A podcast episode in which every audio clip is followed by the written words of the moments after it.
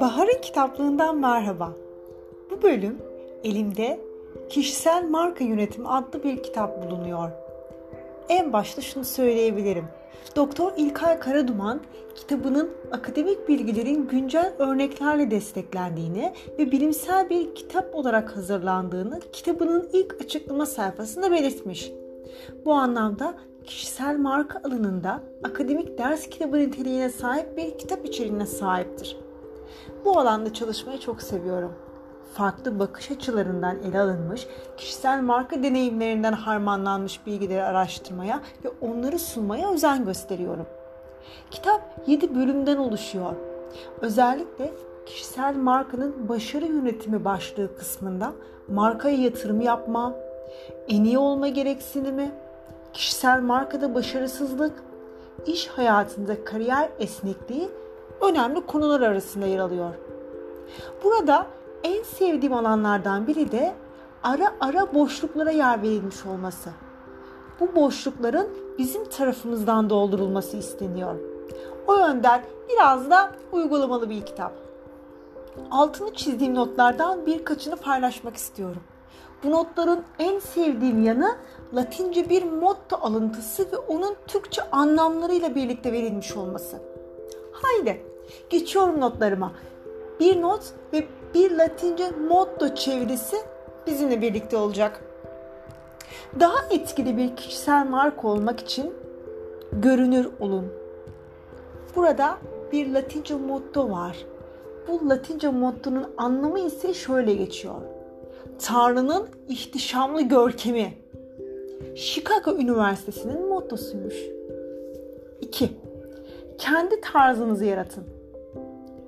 Adamı adam yapan giydiğidir. 3. Fark yaratın. Denizi aşan insanlar ruhlarını değil gökyüzünü güzelleştirir. 4. Kişisel ağ oluşturun. Arkadaşlar kötü günde belli olur. 5. Zamanı etkin kullanın. Her geçen dakika yaralar. Sonuncusu öldürür. 6. Bilinçli risk alın. Düşüşe hazırlıklı ol. 7. Akıllı kopyalayın. Bazılarına ilaç olan diğerlerine zehir olur. Bu söylediklerim daha etkili bir kişisel marka olmak için de. Şimdi daha başarılı bir kişisel marka olmak için neler yapmamız gerekiyor? Biraz da onlara bakalım. 8. Sevdiğiniz işe yoğunlaşın. Zevkler ve renkler tartışılmaz. 9. Kendinize yatırım yapın. Bilgi tek başına güçtür. 10. Kariyer esnekliği kazanın. Herkes her şeyi yapamaz. 11. Performansınızı ölçün. Bilmeyenin altında kötülük yatar. 12. En iyi olmayı kafaya takmayın. En büyük parçayı ben alıyorum. Benim adım Arslan. 13. Başarısızlığı sorgulayın. Bir yara erdemi geliştirir. 14. Bir bilene danışın. Bilge kişi yıldızlara hükmeder. Daha sürdürülebilir bir kişisel marka olmak için 15.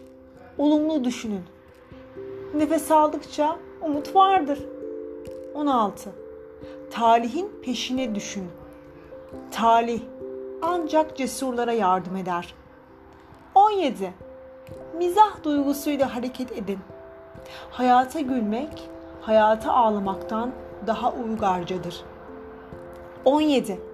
Yalın yaşayın. Önceliklerine zarar verme. 19. Markanızı yaşayın. Zaman geçiyor ve biz de onunla hareket ediyoruz. 20. Vazgeçmeyin. Her talihsizliği deneme say. 21. Yeniden başlayın. Uçurumun dibinden haykırdım. Ve kitabı bitirirken etkin, başarılı ve sürdürülebilir bir kişisel markalaşma için zaman kaybetmeden başlayın. Her şeyin küçük bir başlangıcı vardır.